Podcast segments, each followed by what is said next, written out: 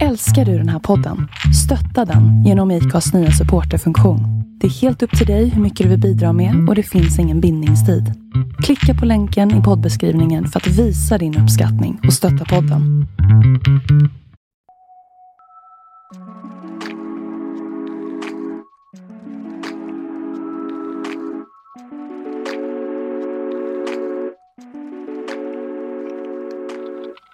Här är andra avsnittet av Folkets Domstol University där jag och Viktor på ett mer koncentrerat sätt än annars kommenterar ett verkligt fall som belyser ett par intressanta juridiska frågor. Idag ska vi prata om upphovsrätt med utgång från komikern Aron Flams uppmärksammade rättsfall kring hans bok En svensk tiger. Rättegången mot Aron Flam handlade om huruvida omslaget på hans bok En svensk tiger är för lik bilden med samma namn som skapades av tecknaren och författaren Bertil Almqvist 1941. Ett verk vars rättigheter ägs av Beredskapsmuseet i Helsingborg sedan 1997. Symbolen föreställer en tiger färgad gul och blå och var en uppmaning till svenska folket som en del av den så kallade vaksamhetskampanjen under andra världskriget. På Wikipedia kan man läsa att vaksamhetskampanjens syfte var att mana allmänheten till tystnad om allt som kunde skada Sverige, som vid tiden för kampanjen var omgiven av krigförande och ockuperade länder i andra världskrigets Europa. Man kan också läsa, och här blir det ju då som ofta när man ska bryta ner ett konstverk eller ett skämt på ett akademiskt vis, en smula torftigt. Man kan läsa då att bilden av tigern tillsammans med texten En svensk tiger har ett dubbelt budskap och kan tolkas olika beroende på om ordet tiger avser ett verb eller ett substantiv. Om det avser ett verb så är det då en uppmaning för befolkningen att hålla tyst, att tiga om svenska angelägenheter. Men är det ett substantiv så menar man då att svensken i allmänhet skulle uppfattas som stark, smidig och lite farlig, som kattdjuret tigern. Att vara stark i den rådande situationen helt enkelt. Hur som helst så åtalades Aron Flam 2019 för brott mot upphovsrättslagen då han har använt en omarbetad version av den här tigen i bilder i sina sociala medier samt på omslaget av sin bok Det här är en svensk tiger som handlar om hur Socialdemokraterna agerade mot Nazityskland under kriget. Frågan rätten hade att ta ställning till var om Aron Flams verk utgör brott mot upphovsrättslagen eller om det var tillräckligt självständigt och eller så pass tydlig parodi på ett ursprungsverk att han inte kunde fällas. Här ska vi alltså få åtnjuta en process där jurister i en rättssal ska bryta ner humor på molekylnivå för att kunna besvara frågan om vad som är kul eller satir, något som i sig kan utgöra stor humor enligt mig i alla fall. Viktor, vill du förklara vad det här målet handlar om? Det var lite olika verk som hade publicerats på lite olika sätt. Så det var några som hade publicerats i sociala medier och sen så var det även ett omslag på en bok. Och som du nämnde i början så var den rättsliga utgångspunkten om han hade gjort intrång i det här ursprungliga verket. Eller om det som Aron hade gjort var ett eget självständigt verk alternativt en form av tillåten parodi. Och han hade ju flera olika invändningar som han gjorde mot att han skulle bli dömd för det här brottet. Och då är det så att om man blir åtalad för brott eller om man blir stämd i en domstol så är det inte alltid så att man bara har en enda invändning utan man kan ha flera stycken. Och då brukar man rada upp dem i första hand, i andra hand, i tredje hand och så vidare. Skälet till det är att det kan ju finnas flera anledningar till att man anser sig vara oskyldig. Och då ska man ha möjlighet att kunna göra det. Men ibland så ser man att någon kommer med sju eller åtta eller ännu fler invändningar och då är det nästan ett rättshaveristiskt beteende. Så att man ska nog eh, begränsa sig till, ja, i det här fallet var det fyra stycken. Ska vi bara snabbt förklara med vad en rättshaverist är för någonting om det är någon som sitter och, och undrar? Ja, ibland är väl den gränsdragningen lite svår att dra. Man kan uppfatta någon som en rättshaverist som drar saker in i absurdum, men i slutändan så finns det ju folk som faktiskt gör det och får rätt. Men den vanliga definitionen är väl just det, att man utnyttjar lagens möjligheter för att bara driva på någonting som saknar möjlighet till framgång. Men jag tror att vi alla känner en rättshaverist. Kanske är det en farbror eller någon kusin Aron Flam pratade faktiskt om den här rättegången när han besökte Alexander Pärleros i Framgångspodden nyligen. Och vi har märkt att det ofta uppstår väldigt intressanta samtal i poddar när de berör juridik. Så vi fortsätter att försöka bena ut begreppen lite, tänker vi. Så låt oss börja med att lyssna på hur Aron beskriver själva förloppet och så bryter vi in när vi tycker att det är lämpligt för en kommentar. vi måste hoppa vidare in på uh, det här som har gjort att Sorry. det här är en av få böcker som uh, har suttit i häkte. Det kanske bara är vi jurister som höjer på ögonbrynen när vi hör det här, eller?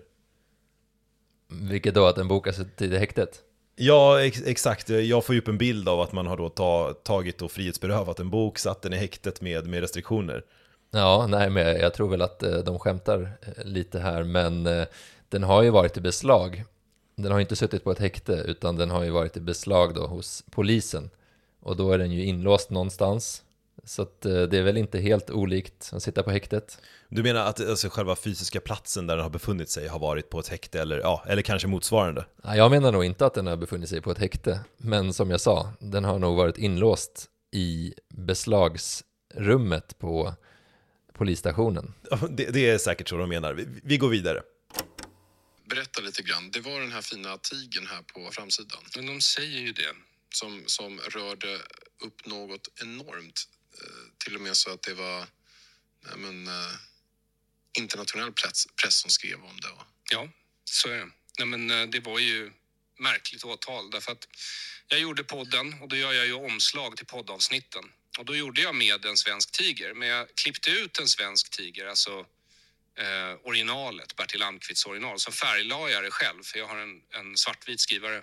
Och sen så satte jag ju in det tillsammans med min lilla ministaty, Mini-Aron, i olika miljöer Eh, där jag liksom gör scenografin, där scenografin brukar spegla innehållet i avsnitten. Alltså tanken är väl att folk som lyssnar på podden ska ser det som att de får hänga med Mini-Aron och den svenska tigen på någon sorts resa genom Sveriges historia.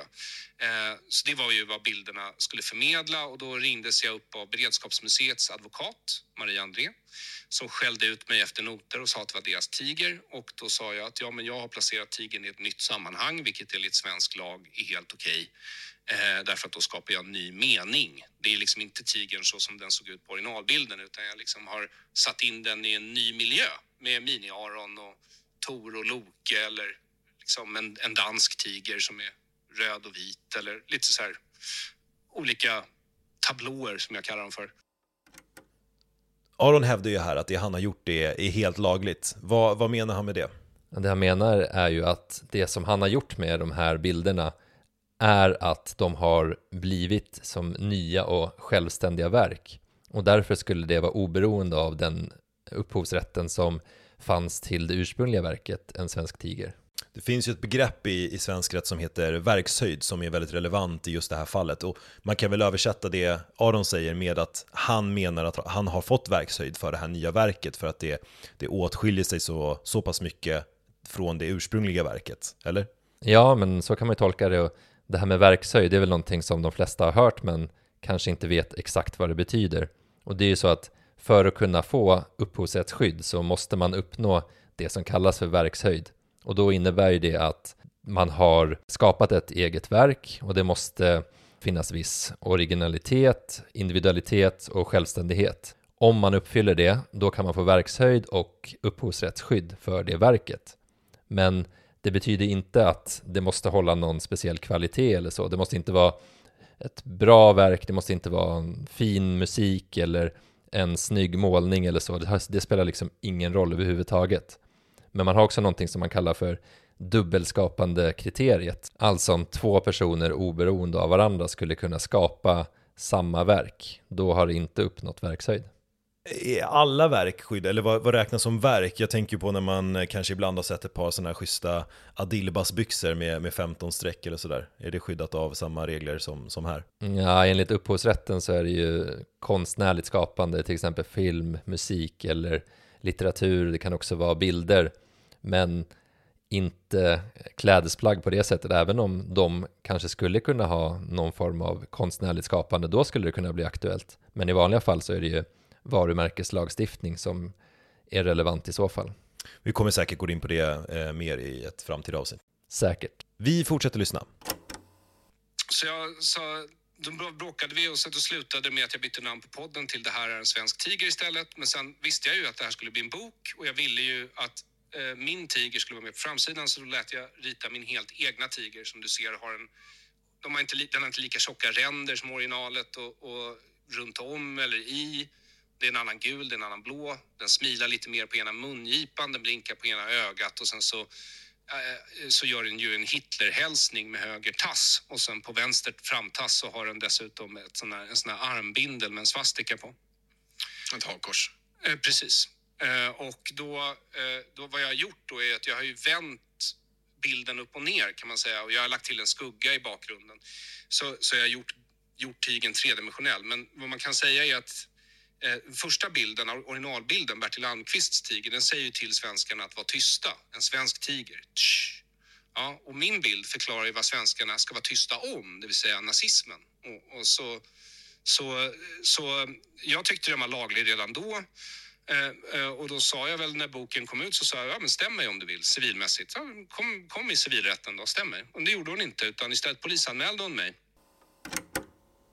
Här hör vi Aron berätta om varför han anser att hans verk har uppnått verkshöjd som vi pratade om tidigare. Så vi behöver inte nämna det något mer. Men i slutet av det här klippet så eh, nämner Aron att han uppmanar advokaterna på mot, motpartssidan att stämma honom civilrättsligt. Men istället så väljer de att polisanmäla honom. Det är ju en ganska vanlig missuppfattning som kanske inte många icke-jurister har superkoll på det här med civilrättsligt kontra brottmål. Kan du inte förklara lite om det, Viktor? Ja, med civilrättsligt så kan ju i princip vem som helst stämma vem som helst. Det handlar ju om en tvist mellan antingen två privatpersoner eller två företag eller ett företag och en privatperson. Och då brukar det handla om pengar oftast. Det kan handla om olika typer av avtal, hur de ska tolkas. En jättevanlig tvist är ju inom familjen om vårdnad och liknande. Och när det kommer till brottmål då så är det när en åklagare väljer att åtala en person för brott och man kan få olika typer av straff, alltså fängelse eller böter. Men ibland så går de där lite in i varandra för en brottmålsprocess kan också innehålla civilrättsliga inslag. Till exempel när någon kräver skadestånd från någon annan. Hur som helst så väljer alltså motparten här att polisanmäla Aron och eh, följande händer. Eh, och då blev först mitt tryckeri kontaktat och det fick jag ju reda på eh, av tryckeriet. Och, och, och sen eh, så kallade de in mig på förhör och min förläggare och min grafiker. Eh, och då tänkte ju jag att efter det här förhöret så kommer det vara klart. För jag bara går in och förklarar att jag heter Aron Flam. Om du googlar mig så kommer min Wikipedia-artikel och så står det komiker där. Så jag lider under parodiundantag och nu är det här klart. Så går vi vidare med våra liv.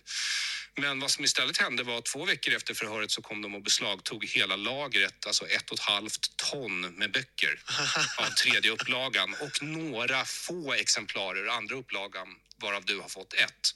Men, men eh, så de tog ett och ett halvt ton böcker och då blev jag tvungen att överklaga det beslaget då, eh, därför att det har ju inte hänt i Sverige att en svensk bok har blivit beslagtagen av svenska myndigheter har inte hänt sedan Gustaf Fröding och August Strindberg. Så, så lång tid sedan var det. Och den senaste bok som blev beslagtagen i Sverige var faktiskt eh, Adolf Hitlers Mein Kampf på 90-talet någon gång och då var det bara så 60 exemplar och då var det delstaten Bayern, alltså inte svenska staten utan delstaten Bayern ägde rättigheterna och krävde att svensk polis då skulle beslagta upplagan, vilket de gjorde. Så här berättar ju Aron att polisen går in och beslagtar eh, hans böcker och att det är väldigt ovanligt att man gör så. Men under vilka förhållanden och under vilka, på vilka rättsliga grunder har man eh, möjligheten att göra på det här sättet, Viktor? Det framgår av eh, rättegångsbalken att man får beslagta saker som kan antas vara förverkade på grund av brott. Och i vanliga fall så handlar det om vapen, det kan handla om narkotika, det kan även handla om bilar. Men sen finns det en speciallag i upphovsrättslagen och då säger man att om det inte är uppenbart oskäligt så får ett sådant föremål förverkas. Så vad händer sen då när man har tagit det här i beslag? Om det är så att eh, en dom vinner laga kraft så när det förverkas det innebär att ett föremål kan säljas eller förstöras. Men ibland så har man rätt att få tillbaka det som var ens eget och då får man tillbaks det. Och i det här fallet så fick han ju tillbaks böckerna. Men det förutsätter ju att det inte är ett föremål som är brottsligt att inneha. Det var väl ett liknande fall här ganska nyligen med, med bitcoin som eh, var ganska uppmärksammat. Har det med samma saker att göra? Ja, då handlade det om förverkande av en brottsvinst som jag förstår det. Och då hade man istället för att säga att ett visst antal bitcoins skulle förverkas så sa man att ett visst antal kronor skulle förverkas. Och det som skedde sen var ju att de här bitcoinsen gick upp väldigt mycket i värde. Så när de här personerna blev eh, gripna och eh, då var bitcoinsen bara värda 1,2 miljoner tror jag. Men sen när de skulle få tillbaka sina bitcoins som inte hade förverkats så var de värda över 10 miljoner. Så då fick eh, ja, de göra en, en rejäl vinst på att staten hade innehållit de här. Ja, och det var ju pengar som de hade fått från eh, drogförsäljning helt enkelt. Vi ska lyssna vidare.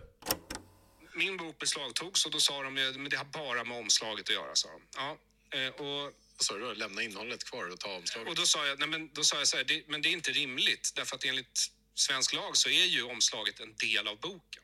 Och i mitt fall så är det extra tydligt därför att det är jag som har designat omslaget. Det brukar inte författare göra, men jag gör det därför att jag gillar, det är precis som när jag gör de här omslagen till mina poddar. Jag gillar att liksom gestalta mina tankar på ett enkelt sätt. Eh, för mig själv. Och sen så blir ju det omslagen då. Så nu hade jag gjort den där och jag visste att den där följde svensk lag så jag var inte speciellt orolig. Här kan vi snabbt försöka reda ut någonting här. Vi står i en fråga mellan omslaget här kontra innehållet i boken utifrån ett upphovsrättsperspektiv. Vad har det här för juridisk relevans?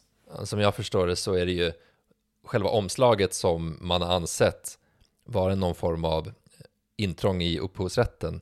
Men samtidigt så vet jag inte om jag håller med Aron här för att låt säga att det hade varit en del av boken som hade varit ett intrång i upphovsrätten eller påstått sådant skulle man bara då ta ut den sidan och sen lämna allting kvar så att man måste ändå se det som en helhet det är ändå ett omslag till en bok mm.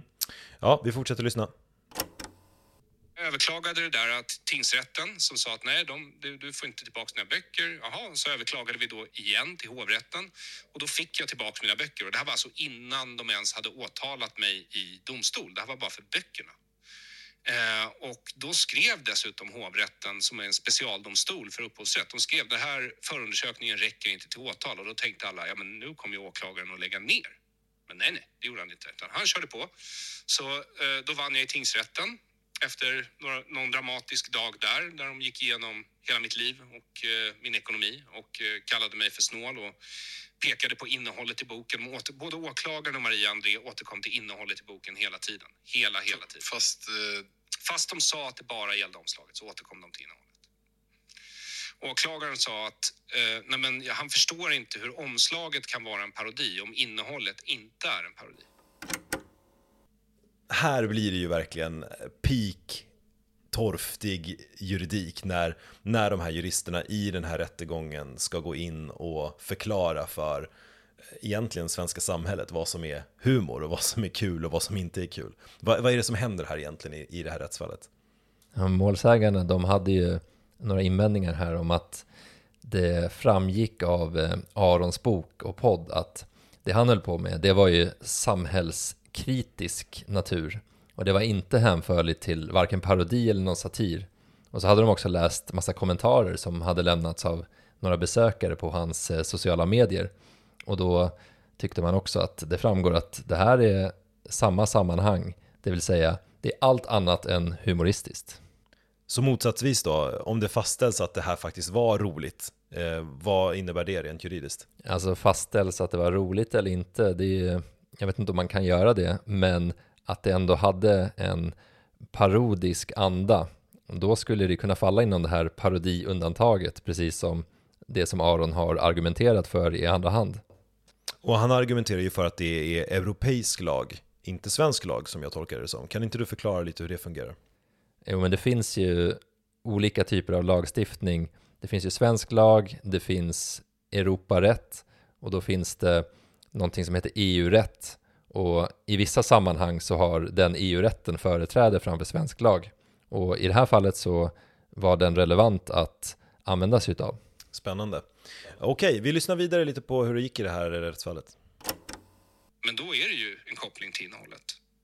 Eh, och Maria André återkom till innehållet också hela tiden. Eh, så jag vann där och då tänkte alla, ja men nu har de vunnit, nu blir det inget mer. För de skrev i domen också att så här, det, här, det här ska vi inte väcka åtal för. Men så överklagade han då 30 dagar senare och då började man bli lite matt. Inte för att jag inte hade räknat med det. Jag hade nästan räknat med det för alla sa hela tiden till mig. Det här kommer inte hända. Det ingen kommer ens åtala dig till att börja med. Polisen kommer aldrig beslagta dina böcker Aron. Och sen så händer det. Det bara händer, händer, händer, händer.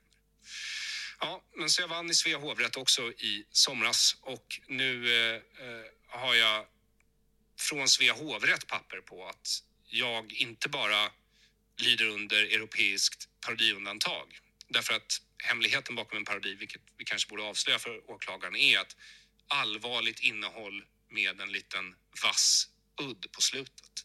Så man kan ha ett allvarligt innehåll och en liten humoristisk udd och kalla det för en parodi om man nu vill. Men, men eh, så eh, då vann jag igen och eh, vid det här laget så var, hade väl åklagaren tröttnat för han överklagade inte till Högsta domstolen.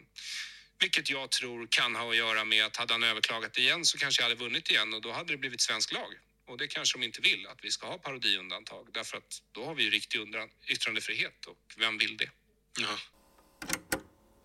Aron frikänns alltså här i hovrätten och han nämner ju olika saker här som, som vi ska gå igenom då steg för steg. Men kan inte du berätta, du som har läst domen Viktor, vad är det som är anledningen till att man faktiskt frikänner Aron i den här frågan till slut? Vad, hur resonerar rätten? Ja, men det var att hovrätten menade att de här bilderna skulle betraktas som en karikatyr eller en parodi på en svensk tiger. Och man menade att det var samhällskritik och en kommentar till tystnadskulturen vad gällde Sveriges hållning gentemot nazismen. Och då sa man också att det uttrycket, det är helt främmande för budskapet en svensk tiger, det ursprungliga budskapet. Så att det var egentligen full framgång för Aron. Och man menade faktiskt att det som han hade gjort, det blev så att det rörde sig om självständiga konstverk för att han hade genom sin komposition så hade han återspeglat sin personlighet genom att ge uttryck för hans fria och kreativa val. Och därför blev det så att eh, bilderna uppfyllde var för sig EU-rättens krav på originalitet.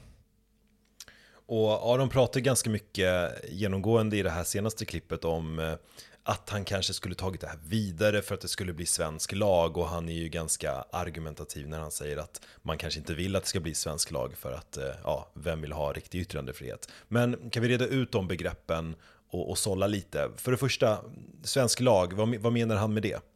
Han menar väl att det skulle bli ett prejudicerande fall om Högsta domstolen fattar ett sånt beslut. För Högsta domstolens domar, de blir prejudicerande, det vill säga det är sådana domar som man ska följa. Men att invända mot att eh, det skulle bli svensk lag, jag menar det här är ju svensk lag, det var ju, det var ju därför han blev friad. Hovrätten har ju följt svensk lag och Europalag i det här fallet. Och även om det är så att eh, HD faller de som, eh, Eh, som är prejudicerande och vägledande som du säger så kan man ju alltid ta vägledning i eh, även i hovrättsfall. Men eh, de har ju stöttat det här hovrättsfallet på eh, lag och på förarbeten och, och, och så vidare, i, fall, i det här fallet också EU-rätten. Ja, men det är självklart att hovrätten är ändå en högre instans än tingsrätten och skulle ett liknande fall komma upp i en tingsrätt i framtiden så kommer man naturligtvis att titta på hovrättens dom, även om man inte är skyldig att följa den. Om det inte är så att att hovrätten faktiskt har dömt enligt lagen, vilket vi får hoppas, för då ska man ju döma på samma sätt även där. Exakt. Ja, intressant. Vi eh, lyssnar på det sista klippet. Trodde du att det skulle gå så här långt? När du valde att eh, sätta en eh, alltså när... Thailand-tiger med, med hakkors på din bok? Alltså när jag överklagade, när, när, när, när de överklagade det här efter tingsrätten, då tänkte jag så här, men enda, en, enda ursäkten nu, det är om åklagaren vill ha ett prejudikat. Då kan, då, kan han, då kan han säga, men det här gjorde jag inte för att jävlas, jag gjorde det här för att jag vill att svensk lag ska bli bättre. Men sen efter hovrättens dom så överklagade de det inte. Och då kan jag inte dra en annan slutsats än, ja, de gjorde det här bara för att jävlas. Ja, Viktor, vad, vad tror du? Tror du att åklagaren eh, gör det här bara för att jävlas? Ja, men du kommer väl ihåg vad jag sa förut om eh, rättshaverister? Att alla har någon i släkten. Och om du inte har någon i släkten, då är det troligtvis du. Men det är nog många av oss som inte är vana att bli åtalade eller stämda. Och förhoppningsvis är det de allra flesta. Och när man hamnar i en sån här situation där man kan känna sig motarbetad av myndigheterna så är det självklart att man blir frustrerad och kanske tar det som en personlig förolämpning. Men vi får ju i alla fall hoppas att det inte är så att, eh, att någon skulle gidra bara för, att, för gidrandets skull. Utan att man faktiskt är mer varsam än så om, om statens resurser när det kommer till så här viktiga saker. Men vi kan ju nämna det, när det kommer till åklagarens roll i rättssystemet så handlar det ju om att om åklagaren tror att den bevisningen som finns för, i, i målet, om den räcker till en fällande dom, då har ju faktiskt åklagaren en skyldighet att, att väcka åtal. Visst är det så? Ja, men det stämmer ju. Åklagaren måste ju följa lagen och kan ju inte låta några personliga vendettor eller agendor bestämma vem han ska åtala. Och i det här fallet, eftersom att åklagaren valde att inte överklaga till Högsta domstolen, det behöver ju inte betyda det som Aron säger. Det kan ju betyda att han nöjde sig med den här domen och tyckte att ja, men rättsläget är utrett som det är och det behövs ingen Högsta domstolsprövning. Eller att han inte trodde att det skulle tas upp där. Ja, och det här eh, får ju mig att tänka på en av dina favoritkaraktärer i eh, tv-serievärlden någonsin. Du lärde ju mig eh, att titta på den här serien, det tog fyra säsonger för mig innan jag tyckte att den var, var värdig. Men efter det så förstod jag också storheten i The Wire. Och där är det en karaktär vars skådespelare faktiskt gick bort här för bara någon dag sedan. Som eh, säger en sak, eh, Omar Little. Eh, kan inte du berätta, vad, vad, är det han, vad är det han säger? Jag tycker det påminner lite om, om eh, det, här, det här fallet. Ja, nej, det tog inte mig fyra säsonger att komma in i det. Jag tror jag har sett hela serien fem, sex gånger, så att det är en riktig favorit. Och i det här avsnittet så sitter Omar i en rättegång, han blir förhörd som ett vittne, han är inte åtalad i det här målet. Omar är en riktig gangster för er som inte sett The Wire, han är ju den tyngsta gangstern av dem alla. Alltså han är ju en gangster som eh, rånar knarklangare. Det är det han gör. Väldigt speciell karaktär. Väldigt speciell. Så jag ska inte spoila för mycket, jag rekommenderar alla att se serien. Men i alla fall i det här avsnittet, det är avsnitt 6 i säsong 2, då får han en fråga från försvarsadvokaten. Hur många gånger har du blivit gripen? Och då svarar han någonting i stil med Jag tappar räkningen, men tillräckligt många gånger för att inte ta det personligt. Och då pratar vi ändå ja, såklart om en fiktiv person, men om en person som har dömts flera gånger och så vidare. Och, och i Arons fall så har jag, han faktiskt, vad vi vet i alla fall, varit del av en rättegång. Och han är ju faktiskt friats på alla punkter där. Så att eh, vi tror ändå att det, det mesta pekar på att, att det inte är någon som är emot honom i alla fall. Systemet är inte emot honom. Vi får hoppas det i alla fall. Ja, verkligen. Och han har fått ganska mycket uppmärksamhet, så det kanske han inte klagar på. Nej, så kan det ju vara. Avslutningsvis då så kan man ju faktiskt eh, reagera lite på att vi, nu har vi pratat mycket om upphovsrätten, vi har pratat om verkshöjd och vad man får göra och så vidare eh, av eh, någon annans verk. Och vi har ju samtidigt i det här avsnittet presenterat ganska många klipp från från Framgångspodden med Alexander Pärleros som upphovsrättsinnehavare. Eh, och då kan man ställa sig frågan, Eh, har vi uppnått verkshöjd med den här podden? Eller är det här ett, ett upphovsrättsbrott? Och eh, det man kan nämna då är ju att eh, det finns, det finns en, en, citerings, en citeringsrätt där man får citera andra verk. Eh, till exempel i poddar, det kan röra ljud, bild men också text i viss mån. Men eh, det får inte ske så att säga Eh, för extensivt. Man får inte ta hur mycket som helst, utan man får ta vissa delar. Och eh, för att säkerställa att vi inte begår något sådant brott så har ju vi dessutom såklart pratat med Alexander Pärleros inför den här podden och fått ett godkännande på att vi faktiskt får ta delar av podden och eh, publicera på det sättet som vi gör nu. Så vi borde ha ryggen fri, jag hoppas det i alla fall. Annars så, så kommer det bli ett intressant eh, uppföljningsavsnitt på det här. Ja, det känns, det känns tryggt. Det känns som du har koll på det här, Jimmy. Ja, bra.